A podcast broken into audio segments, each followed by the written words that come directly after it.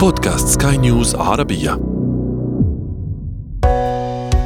حياتنا.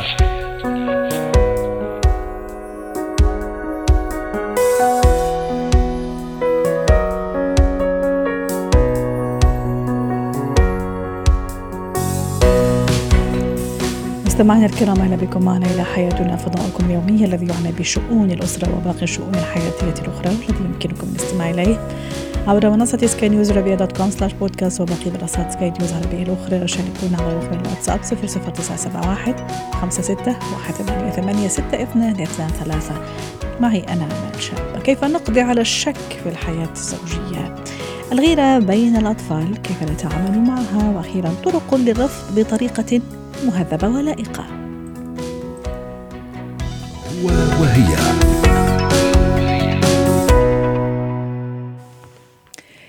لا يجتمع اثنان الحب والشك فمتى ما دخل الشك للحياة الزوجية تدمرت الحياة الزوجية وانتهى الحب بين الشريكين. اليوم سنتحدث عن طرق للقضاء على الشك عندما يدخل الحياة الزوجية. رحبوا معي بيلانا أصأص الاستشارية النفسية والأسرية ضيفتنا من بيروت. أهلا وسهلا فيك أستاذة لانا أكيد أنه الشك عندما يدخل الحياة الزوجية راح يدمرها شوي شوي لغاية ما تنتهي هذا الحياة الزوجية عاجلا أم آجلا وإن استمرت فأكيد مش بنفس الشغف ولا بنفس يعني الحب والرغبة نعم. في الحياة مع مع بعضهم البعض من دون شك أن الشك والحب لا يلتقيان مثل ما أشرنا في البداية وإن كان البعض يعني يرجح شكه أو شكها لأنه بيحب كثير الطرف الآخر بتحب كثير زوجها أو بيحب كثير زوجه مشان هيك بيشك أو يغار عليها لدرجة الشك. كيف أتصرف أو كيف أقضي على هذا الآفة في الحقيقة وعلى هذا المرض في الحقيقة إذا دخل الحياة الزوجية؟ نعم. لا شك أنه الشك في الحياة الزوجية هو تحدي جدا كبير وهو مؤلم للطرف الآخر. صح. خاصة أنه عندما يكون الشك غير قائم على الحقائق والأمور الواقعية هي فقط في التفكير دعوه الشريك الآخر. فهذا الموضوع أكيد بيكون عم بيأثر على الثقة بالنفس للشخص اللي عم بشك وعلى ثقة الشخص اللي عم يتلقى الشك. فبالتالي أول شيء بدي أقوله إنه كتير مهم نكون عم نشتغل على ثقتنا بحالنا وعلى ثقتنا بالشريك الآخر لأنه أنا ما في يكون عم بوثق بالآخر إذا ما بوثق بحالي. فكتير مهم نكون عم نشتغل على بناء الثقة بالنفس والاهتمام بصحتنا العقلية والعاطفية بما يتعلق بحياتنا. الزوجية لحتى نقدر نبني أول حجر لنتخلص من هيدا الشك.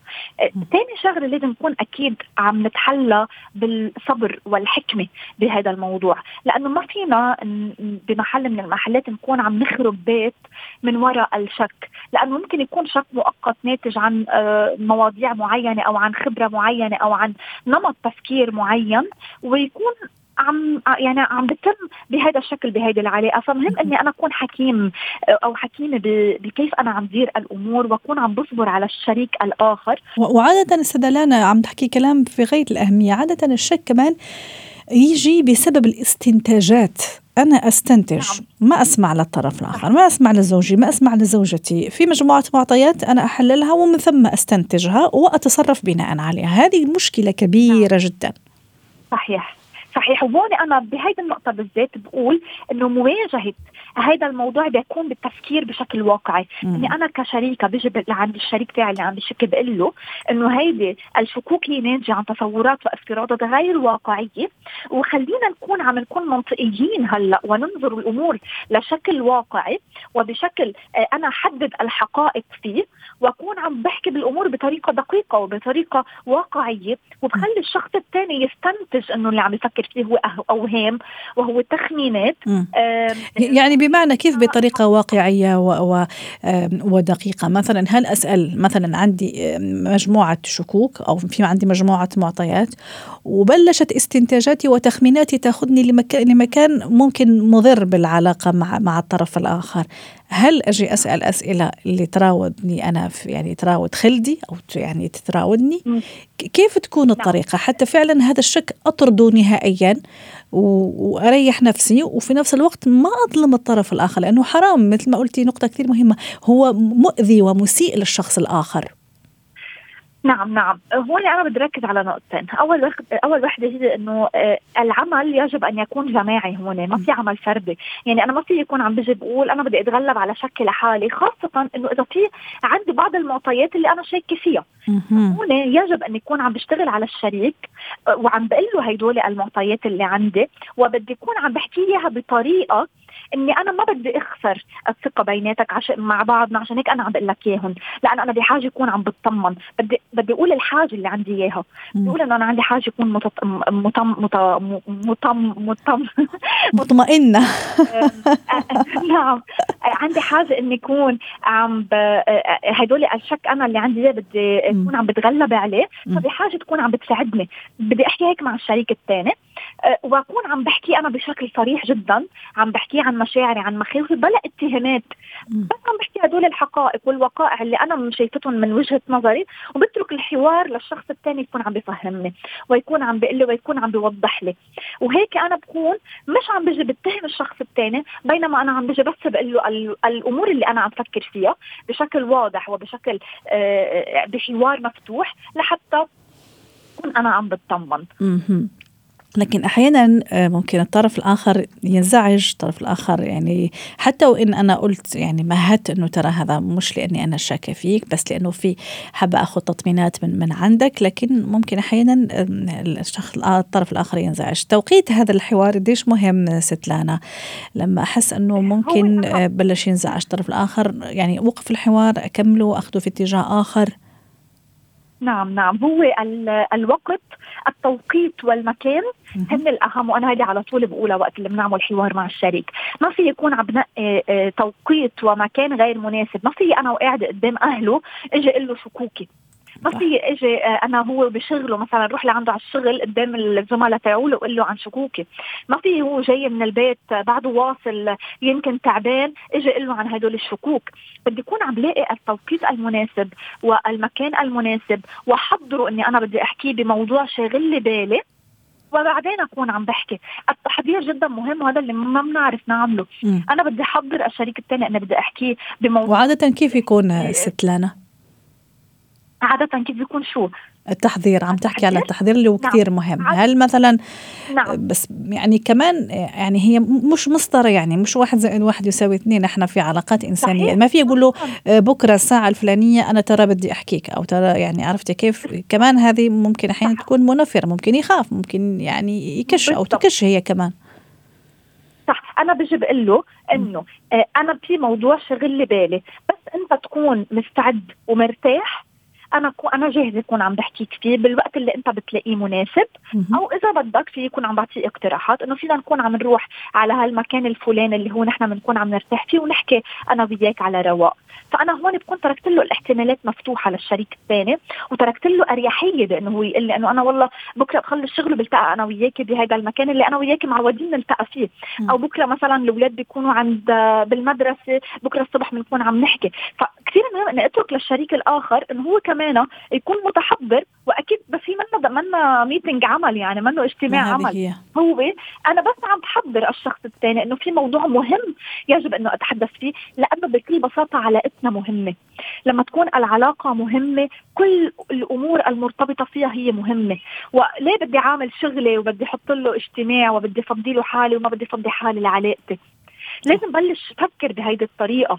لازم بلش فكر إنه أعطي أهمية لعلاقتي وأعطي أهمية للشريك ومش غلط كون عم باخذ موعد منه لحتى احكيه بأمور آه، وبقضايا آه، مفصلية بعلاقتنا لأن نعم. هي يا بتحدد إني أنا حكون مرتاحة معه يا بتكون عم بتدمر لي كل الأمور اللي أنا عم ببنيها معه واضح. فلا بتستاهل إني أكون عم بحضر واضح شكرا لك أستاذة لنا قصقصه الاستشارية النفسية ضيفتي العزيزة والأسرية ضيفتي العزيزة من بيروت.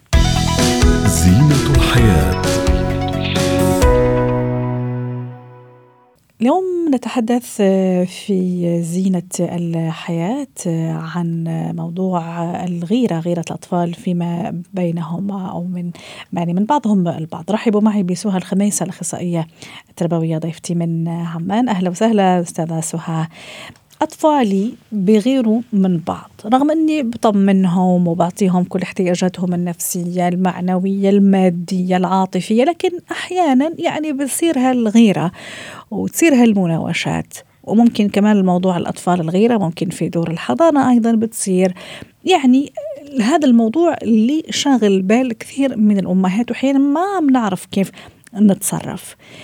اولا متى تكون الغيرة بين الأطفال؟ يعني تتعدى حدودها. هو معروف إن الأطفال يغيروا من بعضهم البعض في مرحلة عمرية معينة. متى أقول إنه الأمور ترى شوية؟ يعني أخذت منحى مش مش لطيف. مساء الخير أهلا وسهلا فيكم. يا أهلا وسهلا. آه آه شوفي أكيد الموضوع مهم آه جدا نحن نحكي فيه بس أنا بدي أقسمه بس فئه عمرية. رح أحكي عن الأطفال اللي تحت سبع سنوات لأنه مشاعر الغيرة ممكن تكون موجودة حتى عند البالغين. صحيح. عرفتي بين بعض كإخوة يعني ممكن يكون هذا الشيء وارد. آه، بس بدي أحكي عن أسبابه عشان يعني نحكي مصدرين أساسيين. هم الأطفال عاده من الولاده لسبع سنوات بيكون همهم الأساسي حب والدتهم لهم يعني حب الماما لهم صح وحب التملك وال... وال... وال... والتموقع حول حول والتمركز حول الذات فقط. بالضبط. وبيعتقد إنه أي شيء بفوت على حياة الأم أو صح. الأم تعجب فيه ويأثر على حبها له هيك الطفل هيك يعني هو هيك الطفل بيولوجيا ونفسيا هو هيك مصمم. فاحنا ما راح نغير نفسيته أو طريقة الطفل بتكون فيها إحنا بس بدنا نشرح له ونفهمه دائما إنه أنت بامان أنا دائما بحبك. فدائما بحكي الامهات شو ما يسوي الطفل؟ شو ما يعمل؟ شو ست سهى معلش سامحيني.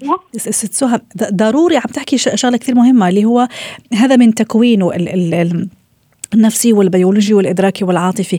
هذه علامة صحية وكأني أفهم من حضرتك إنه هذه علامة صحية عادي. بالعكس لازم إني أكون مطمنة إنه هالأشياء اللي عم تظهر على طفلي اللي هي الغيرة وعم يغار من أخوه هذا علامة كثير صحية. بالعكس إني ممكن أقلق وأخاف إذا ما ظهرت عليه. طبعا لأن هي جزء من تفاعله العاطفي مع البيئة. فهو لازم يظهر تفاعل عاطفي. زي كيف عندنا مادتين مواد بالمختبر إحنا بنحطهم مع بعض لا يظهر تفاعل فبتفرجيني تجربة حية. صحيح. نفس الشيء طفل فهو عم بيظهر لك تفاعل عاطفي ممتاز. هلأ إمتى بصير إنه هو موضوع ممكن يأثر على حياته هو لما يصير يمتنع يعمل أشياء معينة بعناد مثلا بدوش يروح للمدرسة. وأنا أحكي شغلة مهمة. رح يعني حت يعني حتاثر على غالبية اللي عم بيسمعونا. هو الطفل الأول عادة ليش يصاب بالغيره كثير من لما يجي أخوه أو الغيره تتحول لصدمة نوعا ما؟ لأنه بعده ما في عنده إخوان ثانيين هو أول حدا موجود. هو بعده مش فاهم. بس إحنا بنفكره فاهم. لأنه عم بيشوف أطفال ثانيين بس هو اجى على الدنيا أنا وبابا وماما بفكر إنه بس أنا وبابا وماما. فجأة بيجي الانسان الثاني اللي بيشارك حب أبوه وأمه معه. فبتصير عند الأخ الأكبر عاد هيك دراسات دراسات طبعا بتشير. هذا مش إنه مثبت 100% علميا بس غالب الدراسات بتشير إنه الأخ الأكبر ممكن شعور طفل جديد بحياته يعمل له تروما أو صدمة. فنحن كيف بدنا نتجنب هذا الحكي؟ بدنا نتجنب لما إحنا نشعر الطفل بوجود هذا الكائن الجديد من أول يوم. من أول يوم في حدا بده يجي على حياتنا جديد في حدا بده يحبك ويلعب معك وراح يكون زيك نفس حجمك وتكبروا مع بعض وتشتركوا بالأشياء مع بعض ما يكون في تنافس. شوفي أختي امال أنا دائما عن جد غالبية الناس بيحكوا بدهم يسألوا ويساعدوا بس بيختلفوا أخطاء. بيجوا بيحكوا آه لسه البيبي مش مولود بيحكوا للاخ الكبير لا ما رح نعطيك اياه رح نعطيها لأخوك.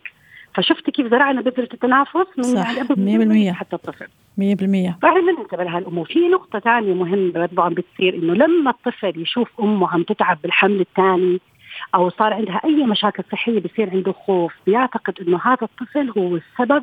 عملنا جلسات يعني بجذورها بالعمق كثير. طلع شعور ال ال ال الإخوان كان إذا كانت الأم تعبت بواحد من الأبناء بعتقد إنه هو بده يؤذيها دائما. فبصيروا فهمت كيف؟ فإحنا بدنا ننتبه على هاي الأمور اللي هي تعتبر ما قبل البداية، تعتبر الجذر لأي مشاعر ثانية بعدين. جميل. هاي الشغلتين مهمين، والشيء الثالث اللي هو دائما ناكد للطفل إنه أنت لو أخطأت لو شو ما عملت أنا بحبك وأنا هون علشانك علشان أساعدك. بس بجوز أكون أنا بعرف أشياء أكثر عشان بجوز أنا أكبر. بجوز أنت في أشياء ثانية بتعرف أكثر مني فأنا بساعدك. والشيء الرابع أختي أمال نعطيه مساحة يعبر دائما أنت غيران من أخوك؟ عادي. بتعرف إحنا شو بنعمل امال أنت غيران؟ لا ما بصير. صح. أخوك وبدك تحبه وبده يحبك عرفتي؟ لا ويا ريت إذا عند هذه فقط نروح نشهر به كل الأصدقاء والأحباب والجيران والناس والأقران صح؟ مضبوط 100% فنعطيه المساحة الآمنة يعبر ممكن أنا كشخص أكون غيرانة من أختي من حدا ثاني من مشاعر الغيرة مشاعر طبيعية بتعطينا زي بو زي بوصلة تفرجيني أنا شو الشيء اللي مش موجود عندي اللي بحب إنه يكون موجود عندي. فهي جميلة. هي بجذرها شيء صحي. صح. بس لما إحنا ما ما نعبر عنها صح ما ما نفهم شو غايتها بتتحول لشيء غير صحي. جميل كلامك رائع ست سهى وأنا أشرت في البداية كمان إنه أحيانا الغيرة كمان يعني ما تواجهني أنا كأم وأب ممكن كمان كمعلمه مثلا في الروضة مثلا مشرفة تربوية في روضة الأطفال كمان هذه تكثر كثير.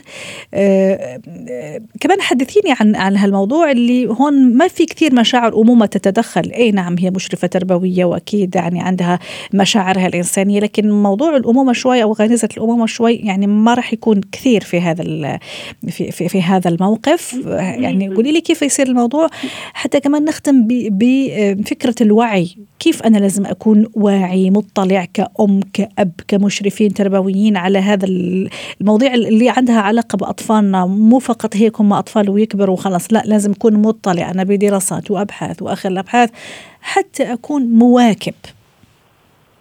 100% هلا شعور الطفل مع أهله إحنا فهمناه هو وجودي تكويني. هلا شعوره مع المعلمة بده يكون غالبا إثبات قدرات لأنه معلم هو عارف إنه هي بحب الأطفال بحبوا المعلمين يعني بتعلقوا فيهم خاصة المراحل الأساسية أو يعني صحيح. وأكبر شوي بحب إنه هو ينال إعجابها بس غالبا بيكون مش حبها بيستمد منه الأمان أو كذا هو بده يثبت إنه أنا اي كان أو إنه أنا بقدر أعمل الشيء وهذا هي الغاية أصلا إنه إحنا نتعلم.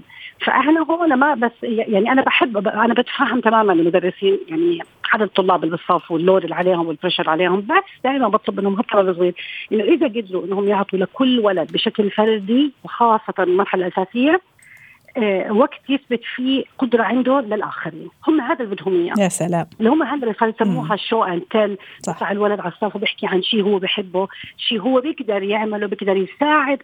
ثانيين من خلاله. وعلى فكرة ترى هي مو صعبة ست سوها يعني لتسي مثلا عندي 15 طفل في في الفصل وعندي أربع أو ثلاث ساعات مثلا. زي ما تفضلتي إلى كل شخص أو كل طفل أعطيته دقيقتين هذه نص ساعة وخلص وخلصنا وفعلا خلينا كل طفل.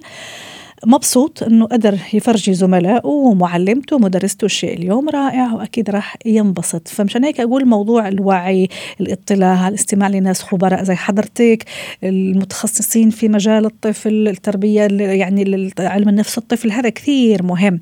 كآباء وأمهات أولياء أمور مدرسين هيئات تعليمية تدريسيه نطلع أيضا حتى نكون مواكبين. شكرا لك أستاذة سهى الخميس الأخصائية النفسية التربوية. سعدتيني اليوم وإن شاء الله نكون استفدنا كلنا.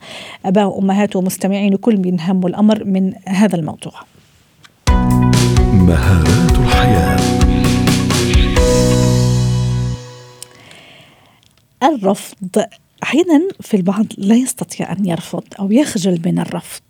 هل المشكلة فيه أم في الشخص اللي طلب منا أشياء وإحنا مش قادرين آه، نرفضها له؟ أو طبيعة الأشياء اللي طلبها منا هي خطأ فبالتالي صار هذا هذا التضارب. رحبوا معي بنانسي إسماعيل مدربة مهارات حياة. يسعد أوقاتك أستاذة نانسي. متى آخر مرة قلتي فيها لا؟ لشخص معين. كثير أهلا وسهلا بحضرتك. الحقيقة دي من الحاجات اللي أنا اتعلمتها مؤخرا. آه. لما بقول لا يعني معناها إن أنا بقول أيوه لنفسي. مش كل لأ لشخص تاني أو لموقف أو وضع معين في الحياة هي لأ بصفة عامة. هي نعم في الأول ليا ولاحتياجاتي ولقدراتي كمان. طب بس برضه ما قلتليش متى آخر مرة قلتي لأ؟ امبارح أو امبارح؟ آه, آه، من ساعة. أوه. من ساعة. يعني طازة. من ساعة. أولادي كانوا عايزيني أنزل معاهم وأنا شوية مرهقة لأني على سفر فقلت لهم محتاجة أرتاح. لأن عندي انترفيو على الراديو كمان ساعة. أها. طيب.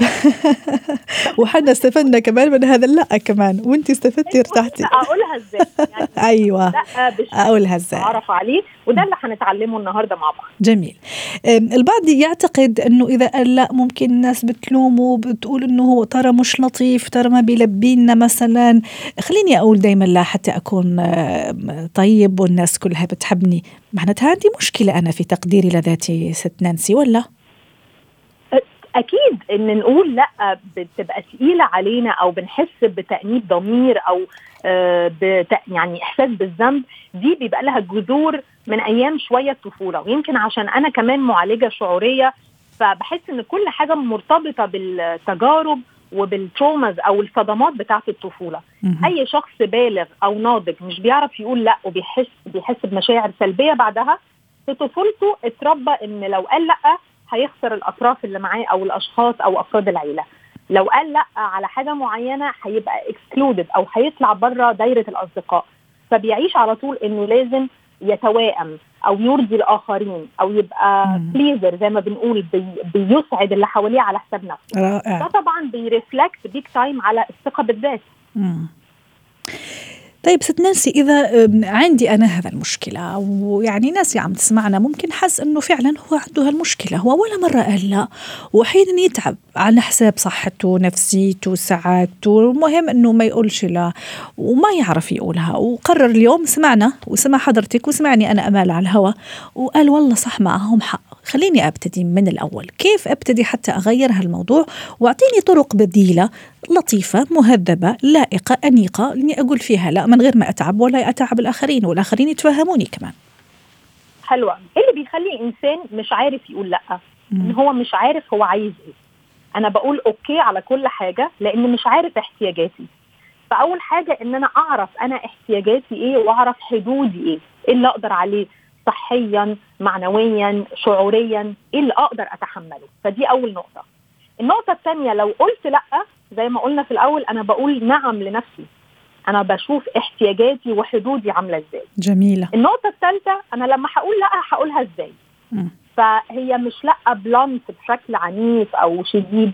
هي ممكن تكون okay بس أنا يعني مثلا ندي example بحب دايما الأمثلة. آه نخرج النهارده بالليل. بدل ما أقول لأ أقول okay بس لغاية الساعة 9 لأني بعد كده محتاجة أنام بدري. ده طريقة من إن أنا أقول لأ. أو ممكن أقول أنا مش هقدر النهارده لأني ورايا حاجات إيه رأيك نخليها السبت؟ دي طريقة تانية. جميل. أو أقف خالص وأفكر وأقول له آه حلو قوي الكلام أو حلو قوي الاقتراح إديني ساعة أفكر بحيث أنا كمان أشوف قدرتي عاملة إزاي. لو لقيت اللي قدامي مصمم جدا ومش محترم الباوندريز آه. وخصوصيتي والحدود لازم أبدأ أبقى واضح وصريح بس باحترام. إني أقول أنا مرهق النهارده. أنا مش هقدر النهارده. أنا مقدر جدا العرض ده بس أنا أولويتي النهارده إني أرتاح أو إني أشوف عيلتي أو إني أشتغل. لازم أكون واضح وصريح مع نفسي. ومع الآخرين طبعا. جميل رائع. طيب في نقطة أخرى تحبي كمان تشيري لي لها وموضوع كمان البعض كمان يعتبرها أمر شخصي. أنا نانسي قالت لي لا آه معناتها نانسي أنا خلص بل يعني بطلت تحبني بطلت تهتم إنه نطلع مع بعض. يعني فكرة شخصنة الموضوع شخصنة هذه لا كمان على الطرف الآخر إنه يتفهمها ويكون معنى هي حلقة يعني دائرية. هو كمان يفهم مفهوم الرفض والرفض عمره ما كان يعني شيء سلبي بالعكس يعني شيء إيجابي.